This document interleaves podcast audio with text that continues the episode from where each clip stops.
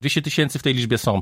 E, żołnierze WOT-u, żołnierze prawdziwej rezerwy, tak zwanej aktywnej, pasywnej. Prawie połowa to są już ludzie, którzy przeszli jakiekolwiek przeszkolenie. Potem są następne kategorie. Tych, którzy nie byli na ćwiczeniach, to tam będzie moim zdaniem nie tak wcale dużo, jak się wydaje. I jeszcze z zastrzeżeniem, bo to też WCR-y wyjaśniają, że z zastrzeżeniem tym, że w pierwszej kolejności przede wszystkim tu chodzi o, o osoby, które mają specjalizacje pożądane dla wojska, które po prostu będą potrzebne, żeby, żeby wojsko miało i skatalogizowane, przygotowane będzie to na wypadek, nie daj Boże, W.